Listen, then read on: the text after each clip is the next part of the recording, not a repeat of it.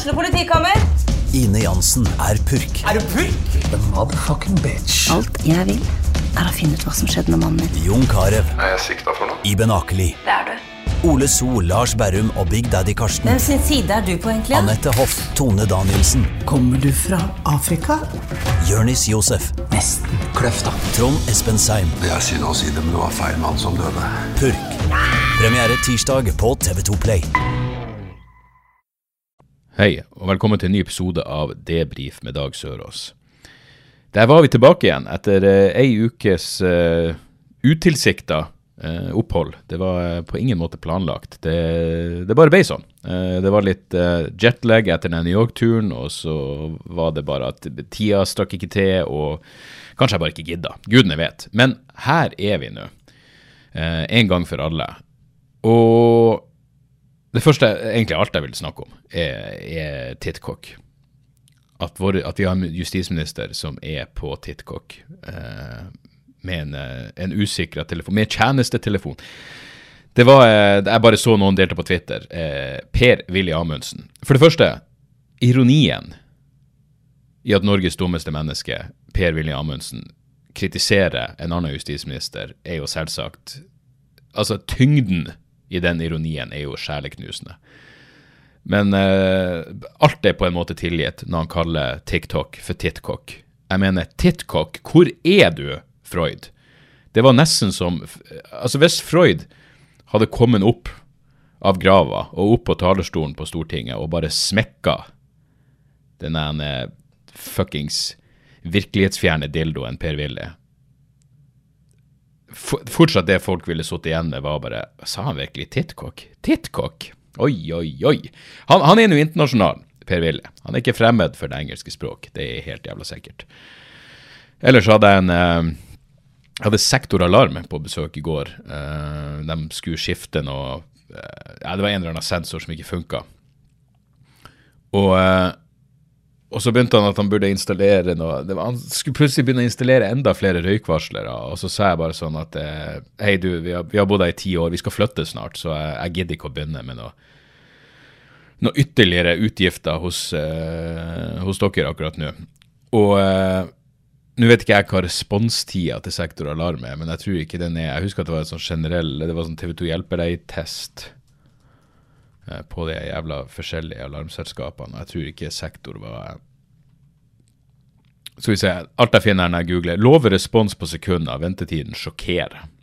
Så, eh, så der, så. Uansett, så jeg sa til han at vi skal flytte, og sier han ja, men du skal vel ha sektor der også. Veldig hyggelig. Det var to stykker som var her, og begge var kjempehyggelige. Jeg ga dem en, jeg rulla en sekser på den jævla meldinga man får etterpå, bare fordi eh, Ja, det var det var upåklagelig service, så det var virkelig ikke det. Men, eh, men jeg bare sa nei, jeg spurte hvor vi skulle flytte, og så nei, vi skal flytte inn i i faktisk har ha leilighet i niende etasje, så da, det er ikke så aktuelt med med noe alarmsystem utover liksom brannalarm. Trenger ikke noe innbruddsalarm når vi bor i niende etasjen. Og da, da, da presterte han karen å si at eh, sånn i sentrum av Oslo, så er det mer innbrudd i blokker oppe i etasjene enn det er, enn det er i vanlige liksom ja, vanlige hus og rekkehus og leiligheter på bakkeplan. Og jeg bare sånn, ok, det, hvis du sier det så. Eh, nå har ikke jeg dobbeltsjekka denne påstanden, men det høres litt rart ut at man skulle være mer utsatt for, eh, for innbruddsfare i niende etasje enn i et, eh, et rekkehus på, på bakkeplan. Hva faen vet jeg? Jeg vil tro han har empirien sin på det rene, og at det ikke var noen form for uh, hva det heter, motivated reasoning, hvor du liksom prøver å Det var ikke noe, var ikke noe økono, Han hadde ingen økonomiske insentiv for å foreslå at jeg burde ha alarm også i, eh, i niende etasjen. Uansett, nye show på min turné Apokalykke, som starter neste uke, er herved annonsert. Uh, først og fremst så er Oslo eh, Sentrum Scene 29. april er utsolgt, så nå er det lagt ut et ekstrashow 23. november. Også på Sentrum Scene. Eh, billetter ute på Ticketmaster. I tillegg så har vi lagt ut um, billetter til Svalbard, Longyearbyen kulturhus. 31. mars er nå ute. Uh, Stjørdal, Kimen i Stjørdal 29. september. Billetter for salg. Eh, Haugesund, festiviteten, alltid en sånn jævla høydere på enhver turné. i Haugesund, altså. Det er eh, sikkert Norges mest deprimerende by, men de har også det beste publikummet. Så festiviteten der, storsalen der, eh, 6. oktober, og så Stavanger. Stavangeren. 7. oktober. Også alltid jævlig gøy. Jeg elsker den scenen. Så eh, ja, det er bare å gå inn på dagsoras.com eller apokalykke.no og, og sikre dere en billett. Eh, turneen starter altså neste, neste uke i Tromsø 17. Februar, 17. og 18. februar i Tromsø. Og det er fortsatt noen billetter igjen til showet den 18., så eh, hvis det skulle friste. Og så, får, så av og til er det jo folk som eh, sender meg melding og ikke har muligheten til å fære hvor enn jeg kommer, og så er spørsmålet om jeg kommer tilbake. Enkelte plasser kommer jeg sikkert tilbake til. Hvis det selger bra, sånn som Tromsø og eh, Bodø og ja, jeg vet da faen. Sånne plasser. Eh, litt større plasser. Trondheim også, muligens. Så, så, så, eh, så er det godt mulig at jeg kommer tilbake til, til høsten. Det er i hvert fall planen. Jeg har bare jeg har bare oversikt over det dere ser på hjemmesida per nå. Og så er det innspurt med testshow også. Jeg skal til Slemmestad eh, i morgen, fredag 10. Og så er det, der er det utsolgt. Jeg har vært utsolgt lenge. Og Austvatn er også utsolgt. Og Gjøvik utsolgt. Ja, nei, så da drit i det. Jeg har tre testshow igjen, og så er det førpremiere i Finnsnes eh, neste torsdag. Og så er det i gang. Men vi hadde jo en helvetes opplevelse i forrige uke. Eh, hvor uh, jeg og Espen Abrahamsen er på Nes. Jeg er på avslutningsvitsen min. Uh, og da, kommer det altså plutselig en, en snorkelyd i salen som bare er overveldende høy. Og Først så trodde jeg det var noen form for hånlatter, at noen skulle liksom demonstrere at de ikke at de ikke likte vitsen. Samtidig så husker jeg at jeg tenkte det var da veldig rart at liksom en og en halv time inn i forestillinga alle har fulgt høflig med på alt jeg har sagt i 90 minutter, så nå skal de begynne å demonstrere. Det virka veldig rart. Men det var rett og slett en fyr som, eh, som fikk et eh, illebefinnende, og det hele var ganske dramatisk, og det var frem med hjertestartere og full fuckings pakke, og vi trodde seriøst at han, eh, at han strøk med der eh, noen minutter. Eh, vi har fått mail i ettertid om at det gikk bra. Jeg tror nok det kommer til å bli en bit om den her i showet, så jeg vil ikke si så mye mer. Men eh, hvis du som var der, eh, du hører på, eh, rop ut, så skal, skal, jeg gladelig sette deg på, på, på, gjestelista i Oslo eh, hvis du, hvis, du, føler for det. Eh, men vi fikk i hvert fall en mail i ettertid om at det gikk bra med personen, og det var, det var nok det virka muligens mer dramatisk enn det var, men helvete, det virka dramatisk mens det, mens det pågikk. Så, eh, og så var det faen meg en fyr. Og det igjen, denne simuleringsteori-ideen, eller denne, liksom, hva er oddsen for at det her skjer med så kort mellomrom? Sånn så jeg fortalte for noen uker siden at jeg, jeg og Espen var på vei hjem fra uh, Sørlandet. Og så får vi en uh, hva de kalte kategori 3-landing. Noen sendte meg en forklaring på det, og det er rett og slett at sikten er så dårlig at de er avhengig av eh, autopiloten og Ja, de, de, er avhengig av noe, noe datateknologi, og der, dermed blir du bedt om å slå av mobiltelefonen. For selv om det er en liten sjanse for at det skal være en innvirkning på systemet, så vil du faen ikke risikere det når de, når de lander etter Ja, lander uten sikt. Og så slo det meg at jeg kan ikke huske om noen gang har vært i kategori 3-landing før. Neste flytur bokstavelig talt neste fuckings flytur fra Oslo til København, så er det faen meg ei ny kategori 3-landing. Hva i helvete er oddsen for det? Og så, forrige lørdag, så uh, var jeg i Porsgrunn, på rockeklubben. Nydelig plass, nydelig oppvartning, nydelige folk som driver den. Du vet når uh, du kommer ned på klubben og alle som jobber der har på seg kveldtakskjorte, så, så, vet du at det blir god stemning. Um, Eh, jeg var jo der på den turneen husker jeg, med Kveldtak og The Good, The Bad and The Sugly. Og det var eh, et av de kuleste plassene fordi det er en liten Du er nede i en liten kjeller. Eh, og det å se Søgli og Kvelertak spille der er jo fuckings optimalt. Og nydelig plass for å gjøre standup også. Så jeg hadde to show der. Men jeg tror det var det første showet. Så eh, står jeg og, og midt i den samme vitsen som han der fyren kollapsa eh, under eh, under showet på Nes. Sånn som det ligger an nå, så tror jeg det blir avslutningsvitsen på, uh, på showet mitt. Uh, men under samme fuckings vits så sitter en uh, Hva vi kaller det? En, en korpulent kar. Ingenting galt med det. men en større herremann på første rad og begynner å lage noen lyder. Og jeg husker jeg sa det. Fuckings kødder du med meg, mann? Det her er akkurat samme vitsen som han andre fyren kollapsa under. Ikke begynn på nytt igjen. Uh, men igjen, det her går jo tilbake til det der at, uh, at jeg satt på vei til flyplassen og hørte for første gang noen prate om at de ikke fikk lov å spise nøtter på flyet fordi noen hadde nøtteallergi, og så skjer det her på den samme flyturen. Og andre gangen det skjedde, da prata jeg med Jon Heggeland, som bare kjørte meg på ut til Flesland, om den opplevelsen, og så var det faen meg noen på samme fly igjen. Og grunnen til at jeg vet det her, er at jeg har tekstmeldingen som jeg sendte til Jon, uh, og det er bare sånn ja, Livet det, det, skjer Rare tilfeldigheter, selvfølgelig. Når det er så jævla mye mennesker på denne jorda, så, så, vil jo sånne ting skje. Men hver gang det skjer, så er det sånn oh, en liten glitch i Matrixen der. Mm. Men, uh, men ja. Sånn er nå en gang det. Så hva har skjedd eh, siden sist? Jeg var selvfølgelig jeg var i eh, Og la meg bare si, det kom ikke noen episode forrige uke, men jeg la ut en Oi, om jeg la ut en bonusepisode på Patrion, som virkelig er en for historiebøker. Som jeg og en Min beskrivelse er at jeg og en bekjent tar en debrief etter en skogstur på Innlandet. Det er vel alt jeg vil si om det, men eh, tilbakemeldingen på den episoden har vært uh, usedvanlig god. Så det er patrion.com slash Dag Soras hvis dere vil ha litt uh, ganske interessant bonusmateriale. Utenom det, jeg var i New York for uh, det nå? Jesu navn, det er vanskelig. Det blir vel et par uker siden nå.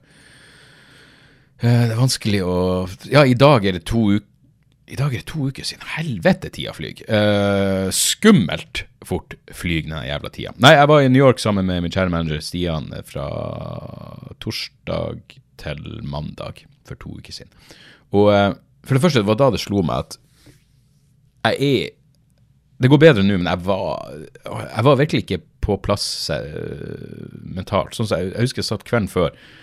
Um, kvelden før jeg skulle reise, jeg skulle reise relativt Ikke noe sånn ekstremt tidlig, men uh, jeg måtte nå av gårde på morgenen på torsdag. Så på kvelden, da, i åtte-ni-tida på kvelden, kanskje senere, kanskje det var i ti-tida, så får jeg en melding fra SAS om at flyet er kansellert. Da har vi direktefly fra Oslo til, til New York. Så står det bare at flyet er kansellert. Og uh, ytterligere informasjon kommer. Og Flyet skulle gå litt før 11. Altså jeg bare, fuck, Hva faen skjer nå? Og så gikk jeg, bare, jeg gikk bare inn og så hvordan andre fly For jeg tenkte at det er sikkert flyet som går fra Jeg tenkte at siden vi får beskjed nå, så betyr det at det flyet vi skulle vært på, det skulle sikkert fly fra, fra New York til Oslo i løpet av natta. Og så var det ikke gått fra New York, og derfor blir det kansellert. Så jeg bare går og ser, og så skjønner jeg fuck, vi kommer til å få et fly med mellomlanding nå. Og uh, voila, vi måtte reise én time tidligere og lande to og en halv time senere. Fordi vi måtte innom uh, uh, måtte ha mellomlanding i, på Kastrup. Og det er jo selvfølgelig ikke det verste, men uh, fuckings irriterende uansett. Vi prøvde å få oss, uh, da vi landa i Danmark, så prøvde vi å få oss i oppgradering til, uh, til business. og så var de sånn, ja, det blir å koste så og så mange poeng. Så er, da er vi syka på det, og så når vi kommer frem, så er det sånn Nei, det er bare ett sete igjen på business. Og ja, da bestemte vi oss bare for å fly SAS pluss sammen med, med resten av, av uh, semikveget. Uh, og det gikk fint, men poenget mitt var at før vi, før vi dro, kvelden før vi dro, så satt jeg og Jeg måtte si til dama mi sånn Fuck, hva er det som skjer oppi Hva er det som skjer med psyken min? Jeg mener, jeg satt og var jeg hadde ikke lyst til å dra. Jeg, jeg, jeg var skikkelig nedfor. Jeg måtte si til, til Anne Marie sånn Hva i faen er det som er galt med meg? Jeg skal til fuckings New York og liksom se Louis CK i Madison Square Garden, og så sitter jeg her og, og, og, og sipper. Hva, hva, er det som skjer med hodet mitt? Veldig, veldig merkelig. Uh, men som jeg måtte si til Stian mens vi var der, og så sa jeg til han at uh, fuck, jeg var litt sånn uh, Jeg var såpass nedfor før. Jeg hadde ikke lyst til å dra. Men nå når vi er kommet hit, så er jeg så jævlig glad for at jeg dro. For jeg fikk liksom Alt jeg ville få ut av naturen, turen, var jo litt inspirasjon. Jeg mener, jeg er et menneske som er avhengig av inspirasjon. Jeg, av, liksom, jeg, jeg blir inspirert av å se andre komikere som er bra, og, og det fikk vi virkelig, uh, virkelig se. Men alt klaffa bare bra. Vi hadde, vi hadde ingenting planlagt utenom Eh, det er Louis CK-showet eh, på den lørdagen, da. Men vi landa på torsdags ettermiddag. Eh, og så, så betyr at i hodet vårt var det jo ganske seint på kvelden. Og så for vi bare på, på hotellet og la fra oss ting. Dro ut og fikk, fikk i oss noe mat og noe øl. Og så Alt var jo sånn Comedy Cellar og liksom de fleste av oss som så, det var allerede utsolgt. Men de hadde et sånt system hvor man eh, Det sto liksom noen utfor. For du har Comedy Cellar, og så har du er Village Underground den andre. Det er i hvert fall to klubber rett i samme kvartal. Jeg tror det drives av de samme folkene. Og så gikk vi bare der, og så var det sånn Ja, men du kan sette deg på ei sånn liste. Så kom tilbake hit. Jeg vet da faen. Tre kvarter før showet skal starte, og så ser du om du kommer deg inn. Så vi bare satte oss på den hele lista. Så dro vi og tok noen drinker, og så kom vi tilbake, og så kom vi oss inn. Uh, og det var jo helt topp, fordi det var uh, Vi så uh, Det var Andrew Schultz, det var Dan Solar, og det var en som heter Mike Vecchione. Vecchione, eller Vecchione. jævlig morsom fyr. Og de leverte som faen. Det var en bra, det var en bra kveld. Uh, det var en særdeles fjern konferansier uh, som prata veldig mye om weed, men nå er jo weed i en sånn uh, kategori i New York hvor det, etter jeg forstår, ikke er verken lovlig eller kriminalisert, som betyr de facto lovlig. Så den, den sedvanlige pissstanken som man er vant til når du vandrer rundt på Manhattan, den er erstatta nå med weed-lukt, og det er jo i høyeste grad et steg opp. Men uansett, vi er vi, vi, det, det, var, det, var, kult å se. Det var en bra, det er jo, det er et klubbshow, liksom. Men skikkelig bra komikere som leverte. Og det var, var, det var, en ordentlig bra start. Og så fikk vi begge sånn Ok, nå har vi fått sett et bra show. Så dagen etterpå så var vi sånn Fuck, nå kan vi se noen nykommere, eller hva enn. For det er Louis på lørdag, og så er vi, og så er vi glad og fornøyd. Og dagen etterpå så dro vi på en klubb som det heter vel bare Stand Up New York. Uh, og da når vi kom dit, og da hadde vi bestilt billett på forhånd, og det er jo uh, Upper East Side, blir det vel. Uh, når vi kom dit, så var det nesten litt sånn trist. Det var lite folk. Han er som tok imot Bartenderen var bare sånn For jeg spurte kjøper vi her, eller han bare nei, du bestiller drinker hos han som Hva enn de kaller det? Han som leder deg inn. Jeg vet da faen. Kelneren din. Drikkekelneren din. Uh, men han bartender virka uh, Han var lite gira, og han er fyren som liksom visste oss plassene, var heller ikke gira.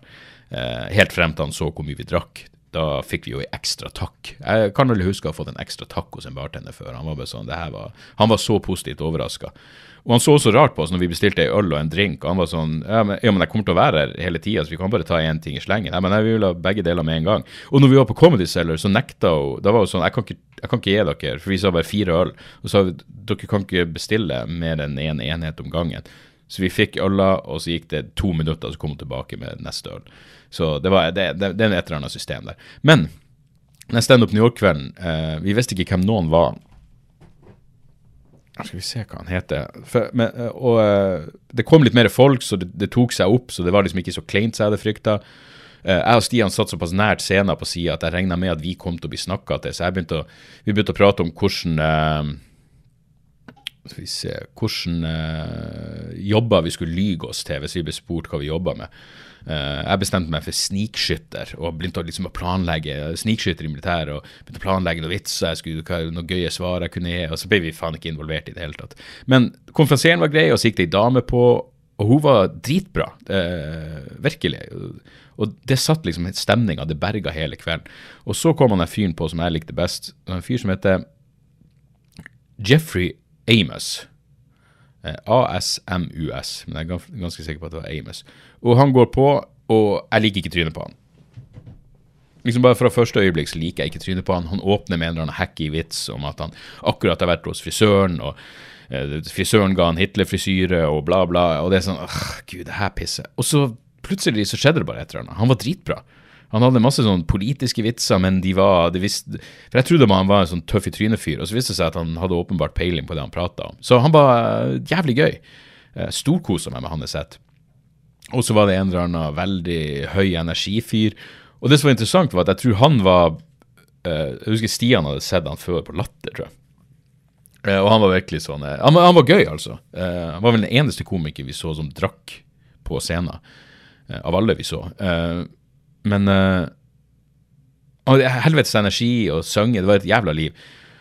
Og når han var ferdig, så regna jeg med at showet var ferdig, men da begynte de å komme ut med regningen, og da var det to komikere igjen, og de sugde henne inn i helvete. Så jeg lurer på om måten de gjorde det på, var at de bare tok og De tok og uh, satt at headlineren er tredje sist, fordi når, når de begynner å dele ut eh, regningen, så da mister folk fokus og alt det der. Jeg husker jeg hørte det på den Anthony Jeselnik-podkasten, at han sa at han hadde sånn klubbturné, så når de begynte å komme ut med regningen, da tok han spørsmål. Da ble det en sånn Q&A-greie, fordi han visste at folk kom til å miste fokus. Jeg klarte ikke å høre på vanlige vitser. Så var det et eller annet i det. Så det er også en klin situasjon hvor jeg, for han Amos-fyren driver og prater om at han har vært på dassen og, og dretta og ikke klart å skjølle ned. Men siden han åpna med den leime Hitler-frisyrevitsen, så tenkte, tenkte jeg at han, han, er jo ikke så i øyeblikket. Det her er jo bare vitser. Kommer ned på dassen, eh, døra uh, lyset av, så jeg slår på lyset, og er så helvetes pissetrengt. Og da ligger det en svær jævla jævel nedi dassen. Og jeg prøver å skjølle ned, og det går ikke.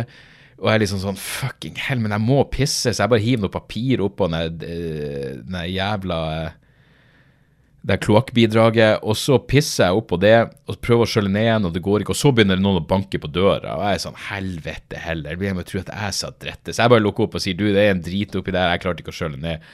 Og han der fyren Ja, om jeg forklarte det dårlig, eller han misforsto Han endte i hvert fall opp med å tro at det var jeg som hadde dritt og ikke skjølt ned.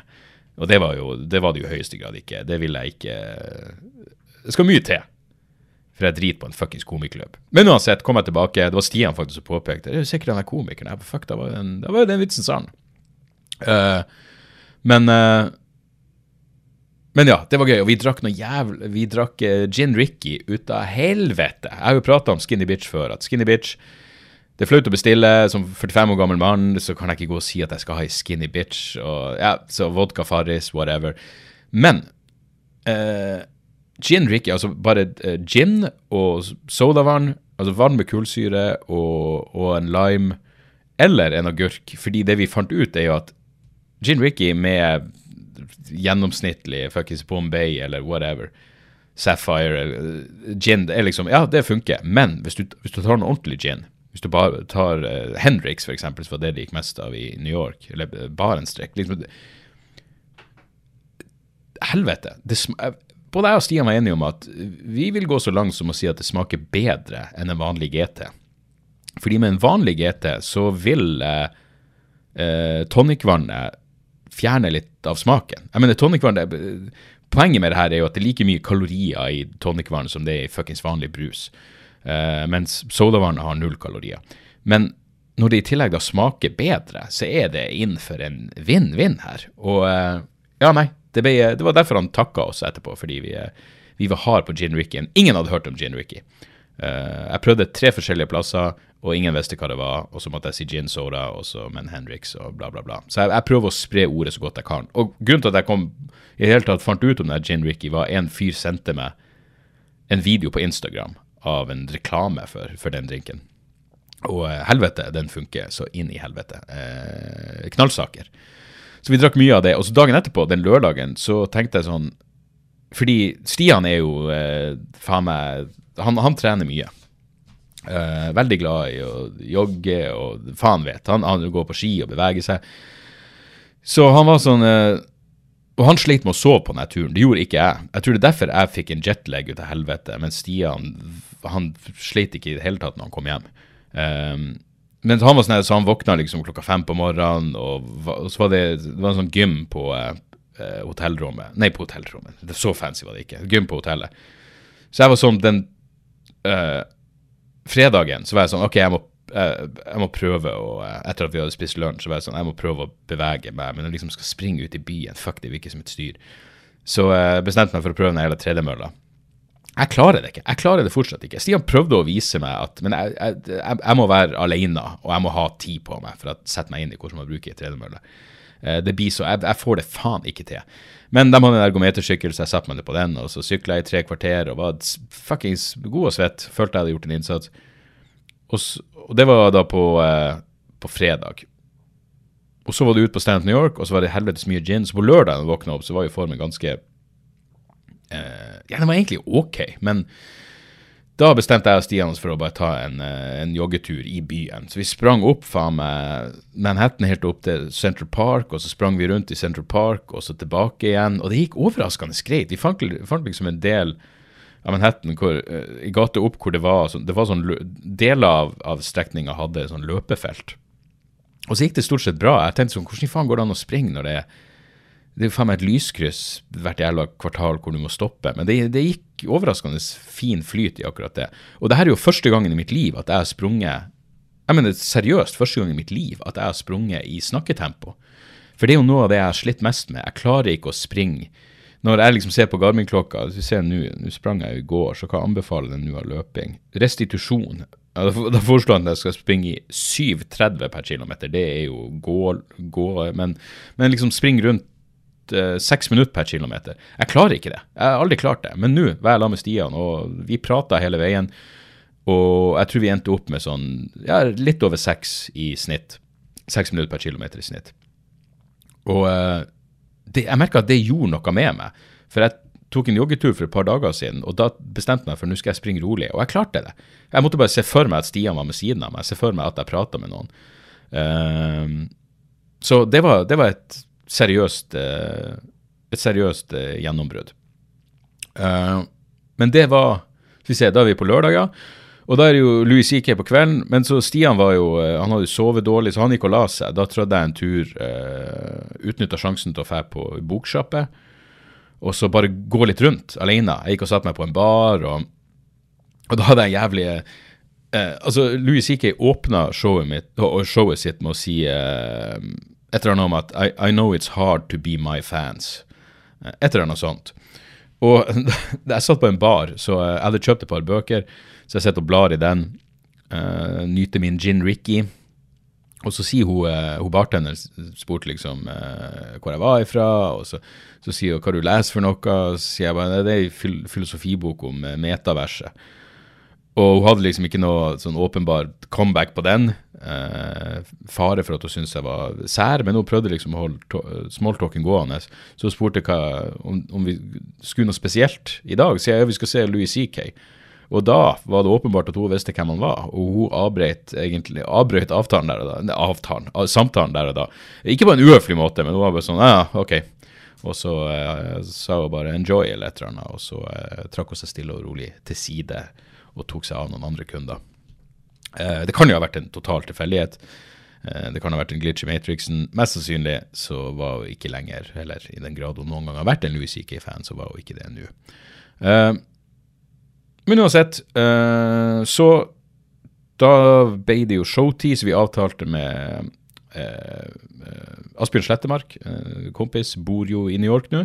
I tillegg bor jo Daniel Simonsen, eh, virkelig eh, komik norsk komiker som slår seg opp i det store USA. Eh, så vi ble enige om å treffes på en pub, så vi satt der og tok noen, og tok noen drinker. Og så Ja, så var det show. Og jeg var, jeg var sånn, faen, når jeg og Stian var på vei til den baren, da fikk jeg sånn Ok, nå har jeg beveget meg for mye. For da hadde vi altså jogga 13 km. Jeg hadde gått en masse rundt i byen. Jeg tror jeg var på sånn 25 000 skritt på det her tidspunktet. Og hadde ikke spist så jævla mye, men drukket litt. Og da begynte jeg å bli sånn, litt sånn hjerteklapp og følte meg slapp. Og jeg tenkte fuck, jeg tror jeg er litt for utpeisa. Så jeg var dritredd for det. Og da blir jeg litt sånn angst og så sover man jo ikke helt optimalt. Man driver jo og prøver å tilpasse seg en ny tidssone. Så da begynte jeg å bli litt sånn angstaktig i hodet. Jeg bare merker når jeg blir litt sånn Nå er jeg ikke helt på stasjon. Så kom vi inn på eh, en pub som da var Asbjørn Slettemark sin, det er hans stampub. Han sier eh, Han har meg på forhånd om at det er en av de få plassene du kan ikke betale med kort. Du må betale med kontant, men de har en, en uh, fuckings ATM inne i baren. Uh, så vi settes ned, jeg og Stian, og bestiller, bestiller drinken vår. Og så er han sånn Nei, du må ta ut penger. Og så sitter en fyr der. Uh, litt sånn Unge Høyre-vibe. Uh, en blanding av Unge Høyre og American Psycho, i den grad det, det er noe forskjell. Og åpenbart litt full, men sånn, ikke sånn sjangla-full, mer sånn creepy-full på et eller annet vis. Så i hvert fall, så jeg står for å ta ut penger, og så begynner han å snakke til meg. Han sitter rett med med minibanken der. Og så eh, Jeg knoter litt for å få det til å funke, og så sier han bare sånn Jeg ser jo der det var ei full dame sto og dansa. Og så sier han hun har bursdag, skal du kjøpe henne en drink, eller? Jeg bare hei, grattis med dagen til henne. Og så sier han skal du kjøpe henne en drink, eller? Og jeg bare nei, jeg kjenner henne ikke. Han bare jeg syns du kan kjøpe henne en drink. Og jeg bare nei, men det kommer jeg ikke til å gjøre. Og da fikk jeg sånn en vibe på Ja, når du da i tillegg er litt sånn shaky i psyken, så fikk jeg en sånn følelse av kommer han her fyren til å klabbe til meg, eller hva i faen kommer til å skje nå? Men jeg prøvde å bare holde det rolig, og så, og så spurte han hvor jeg var ifra. Jeg er fra Norge. Og, og i mellomtiden så driver jeg på å kuke for å få ut de jævla pengene. Og, eh, eh, og så plutselig sier han eh, Tell me one good thing about Norway. Da sier jeg bare Universal Healthcare. Og da ble han sånn Have you ever been to Canada?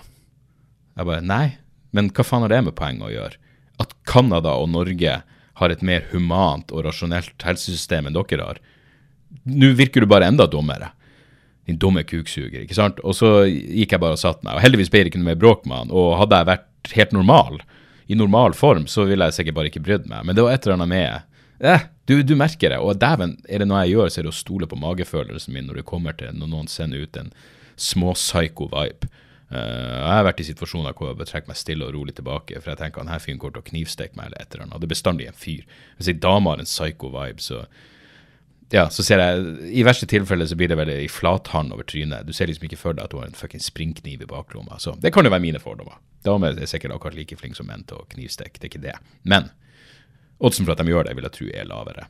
Og gitt at vi lever i Matrixen, så blir vel jeg sikkert knivstukket av ei dame eh, snart. Uansett. Eh, så var det Louis. Eh, dritbra show, vi hadde bra seter. Det var litt sånn paranoid når man kunne ta et bilde, fordi det var veldig sånn eh, Jeg var overraska over hvor lite sikkerhet det var på, i Madison Square Garden. Um, det var liksom, Du gikk gjennom en sånn eh, akkurat som en halvhjerta sikkerhetskontroll på en flyplass. Og så er jo selvfølgelig de kamera, facial, facial recognition-kameraene oppi taket der, men det var ikke noe mer. De tok, måtte ikke legge telefonen i en pose. På Comedy Cellar så måtte du legge telefonen i en konvolutt. Uh, og hvis dere hører på den ene Poprådet-podkasten som jeg er med på eh, en gang i måneden hos Aftenposten. Den er bak en den Podmi- Podme-betalingsmur. Men uansett, jeg prata om det der, hvordan det å legge, bare det å legge telefonen i en konvolutt Du kunne ta den opp av konvolutten. Altså, det ville vært mulig å ta den opp av konvolutten, men det gjorde noe med hele kvelden, og ikke minst det gjorde selvfølgelig publikum mer fokusert, i tillegg til at det beskytter materialet til komikerne. Men det var ikke noe sånt i Madison Square Garden, så jeg snek meg opp et bilde. Jeg var livredd for at noen bare skulle ta tak i meg og kaste meg ut, for jeg ser for meg at det er sånn det ville vært. liksom. Du er oppe med telefonen. Og det her var jo lenge før showet begynte. Uh, men uh, Nei, det var jeg og Asbjørn, og Daniel hadde noe, noe, noe VIP-sete eller et eller annet. Så Men helvete for noen priser. Uh, 600 kroner for tre halvlitere. Det er ganske jævla småstivt, for å si det meget, meget mildt. Men uh, showet var, uh, var dritbra. Jeg storkosa meg. Det ble jo livestreama også på hjemmesida til, til Louis, men han hadde to oppvarmere. En fyr først som var ganske ræva, det var ganske hacky. Det var mye sånn eh, Jeg er fra New York, men nå bor jeg i Jersey, og bla, bla. Det var, det var jævlig dølt. Og så er jo scenen var liksom plassert midt i lokalet, så han, han drev og gikk rundt så jævla mye. Og så var det ei dame som jeg ikke husker navnet på, men som også var med som support i Oslo. Hun var mye bedre nå. Og den vitsen hun har om at Ted Bundy har gjort mer for svarte damer enn Martin Luther King, er fuckings top notch. Så jævlig bra. Så hun gjorde det dritbra, men hun endte opp, selv om vi hadde bra seter og satt ganske nært scenen, så endte hun opp med å se på skjermen hele tida. Fordi det var liksom bare Når du så på personen på scenen, så var det som en lavresolusjonsvariant av det du så på skjermen. Uh, så, så til tross for ja, bra plassering, så ender du opp med å se på den skjermen som heldigvis var, var, var, var svær og, og, og fin. Um, og så var det Rui, da, og det var, det var dritbra. Det slo meg at første eh, halvdelen For han sto ikke så lenge. Jeg tror det var liksom faen ikke mye over en time. Eh, kanskje 65 minutter. Men den første halvdelen fløyt så jævlig bra at da var jeg helt inne i det. Jeg var på sånn fin eh, sånn eh, akkurat passe brisen til at du får med deg alt og bare koser deg. Og eh, første halvdelen fløyt så jævlig fint, og så begynte det å bli litt sånn oppstykka, og da merka jeg at jeg ble litt mer bevisst på at jeg satt og så på noe. Det er noe jeg prøver å tenke på til showet mitt også, at når det liksom, ja, når ting på en måte virker, om det så bare virker så de henger sammen, så de flyter, at det ikke er sånn, ja, det var det, og så neste ting. Um, det hadde noe å si. Men uh, det var gøy å se at materialene i Oslo var blitt bedre, og det var ganske mye jeg ikke hadde hørt fra det. Det var mye nytt fra det showet også, i hvert fall sånn som jeg husker det.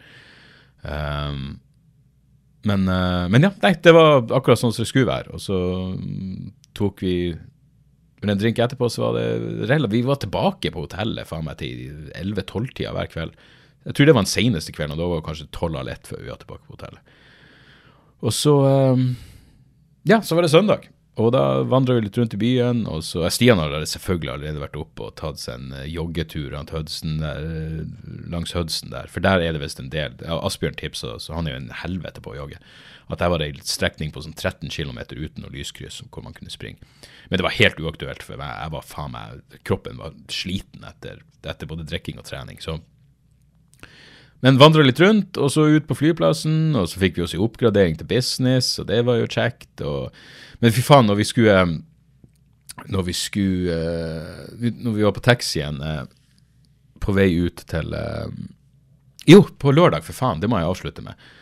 Så jeg kommer tilbake Jeg hadde fått ei melding mens Hvordan var det her igjen? Ja, uansett, mens vi var på Louis-showet, så hadde jo eh, purken i Memphis sluppet den eh, horrible videoen av det Tyree Nichols-drapet.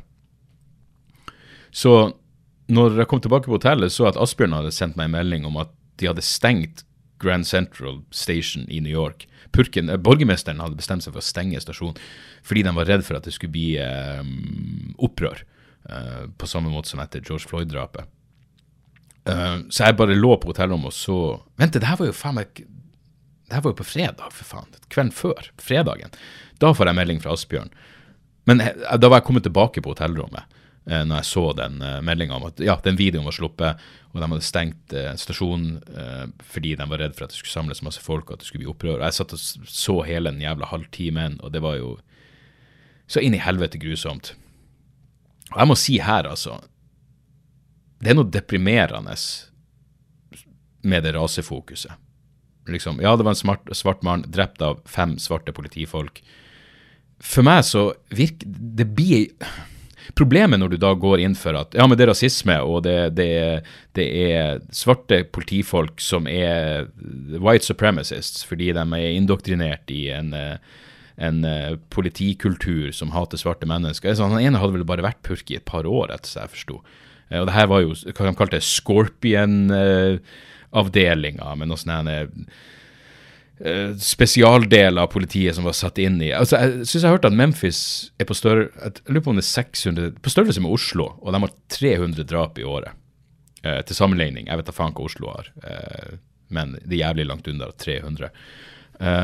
men poenget mitt er når du gjør det om til en rasegreier, automatisk, på null grunnlag, annet enn at det var et mørkhuda offer, så tar du fokuset bort fra de tingene du faktisk kan gjøre noe med det blir et slags det blir et slags, du, du gjør debatten du, Debatten blir tatt på et nivå som er, som er mye vanskeligere å gjøre noe med enn bare en generell fuckings ukultur i denne avdelinga av Memphis-politiet. For med det sagt så jo den, den videoen eh, noe av det verste faenskapet jeg har sett i mitt liv, og helt utilgivelig. Og han fuckings roper etter mora, for han var bare et par kvartal fra huset hennes, var der han var på vei. Og, nei, det var, det var grusomt. Jeg husker Daniel sa til meg da jeg traff ham på baren, at han hadde sovet dårlig fordi han fikk mareritt av den jævla videoen. Og, eh, og jeg ser den, og jeg hørte også at han, borgermesteren i New York er vel tidligere politimann, han hadde fått kritikk for at han ja, er det rett å skal begynne å stenge ned byen som et preemptivt forsøk på å stoppe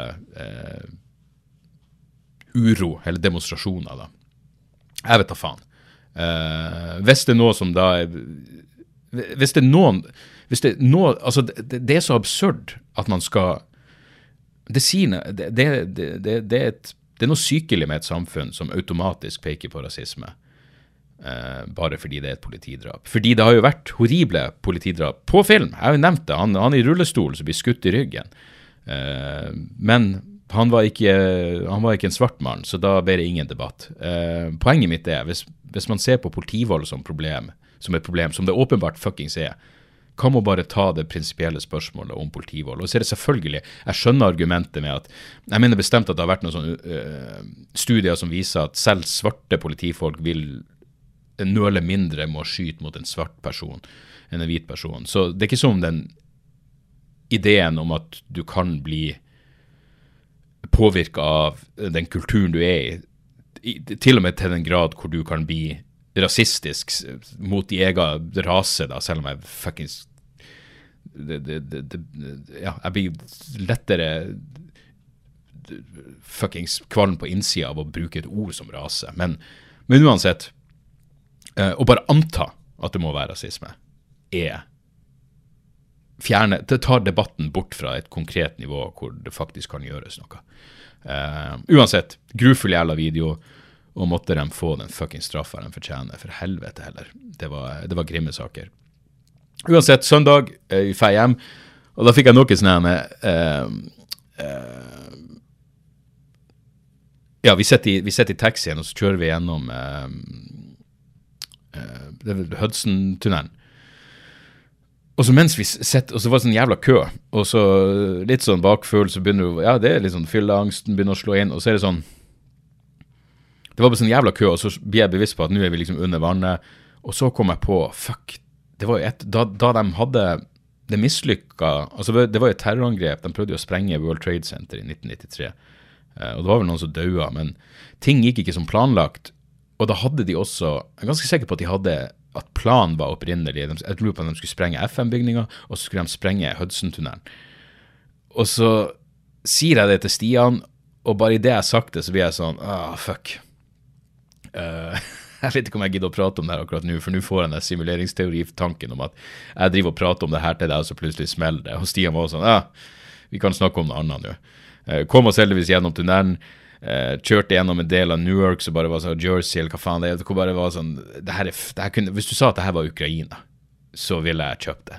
Altså det, Du skal ikke så langt ut fra liksom metropolen før du ser at helvete, det her er et land som er skakkjørt på mange jævla vis.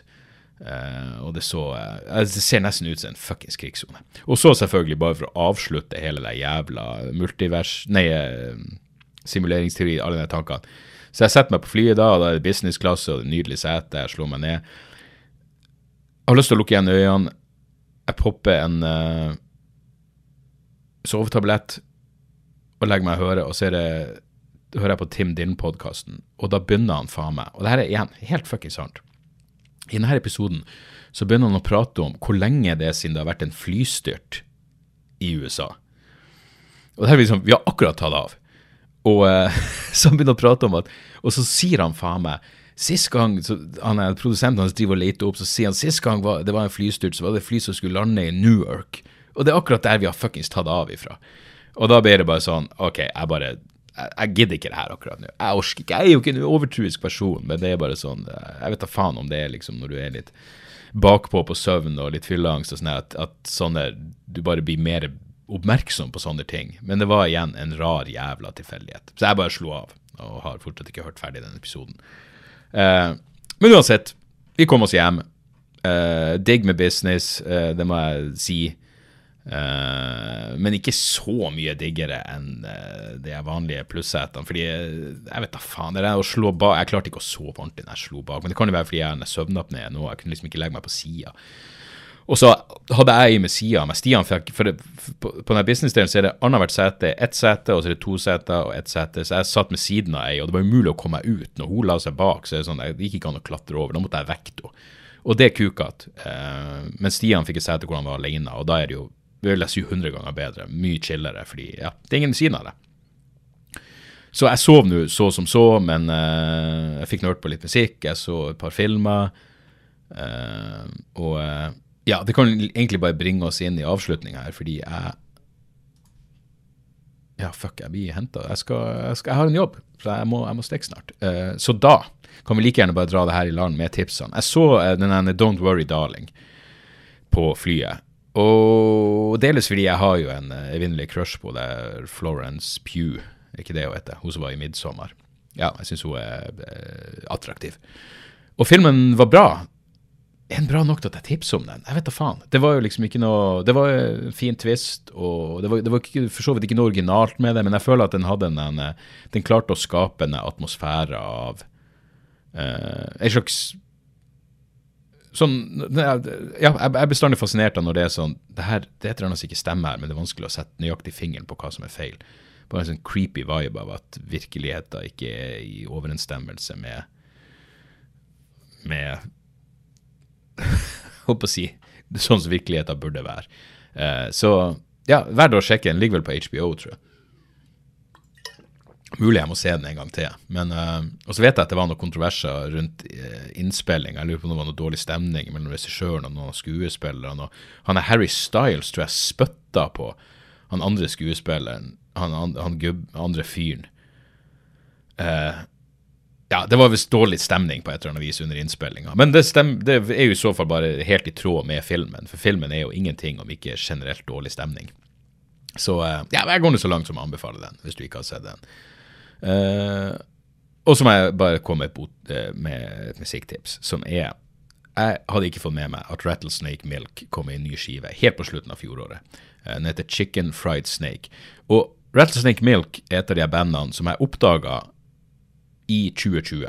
jeg var sikkert bare på noe som countryside eller et eller annet, så noe anmeldelse. På et eller annet vis så kom jeg over deres selvtitulerte skive fra 2020.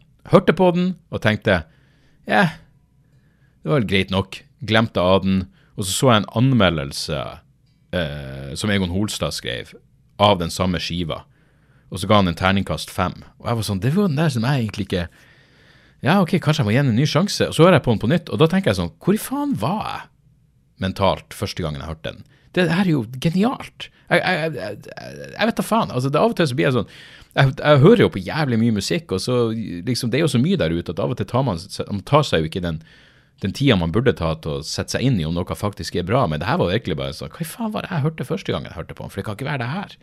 Uh, uansett, nå er de ute med en ny skive som kom helt på slutten av fjoråret, Chicken Fried Snake. Det er Det er bare så jævla Ja, det er country med punk-vibes. Det er mer punk enn punk. Det er surf, det er psykedelika. Det er, det er fantastisk låtskriving. Det er masse hjerte. Uh, får merkelig nok lyst til å kjøre bil av å høre på den. Uh, jeg vet da faen hvorfor. Du får også lyst til å komme i en tilstand hvor du ikke bør sitte bak rattet. Så uh, det, det, er mye paradoksalt i den. Uh, men du hører skiva så får du lyst til å reise. Og det handler jo mye om livet på veien og drikking. Og det, det, kommer til å være soundtracket til min turné. Det er helt jævla sikkert. Og den siste låta eh, heter vel Only a Child. Er altså et episk mesterverk av av, av dimensjoner, altså. Uh, er det ikke Only a Child? Only a Child, ja. hele skiva er dritbra. Det er ni låter, det er ingen svake låter. Alt er fuckings gull. Holy Ghost, det er fuckings knall. Uh, det første låta heter jo On The Road, 38 Special. Nei, det, det er Die Young. Det er dritbra. Dritbra skive. Rattlesnake Milk. Måtte den bli jævlig, jævlig stor. Uh, det var det jeg rakk uh, denne uka. Uh, abonner gjerne på denne YouTube-kanalen min, Rate and Review-podkasten, hvis dere føler for sånt. Men plukk opp en billett. Jeg skal på turné. Fuckings turné. Jeg gleder meg som faen til å komme i gang. Apokalykke starter neste uke. Dagsoras.com for billetter og all jævla info du måtte trenge. Utenom det eh, så håper jeg alt står bra til på, på deres ende av simuleringa. Og så høres vi igjen neste uke. Tjo! og motherfuckings hei! Har du et enkeltpersonforetak eller en liten bedrift? Da er du sikkert lei av å høre meg snakke om hvor enkelt det er med kvitteringer og bilag i fiken, så vi eh, gir oss her, vi. Fordi vi liker enkelt. Fiken superenkelt regnskap.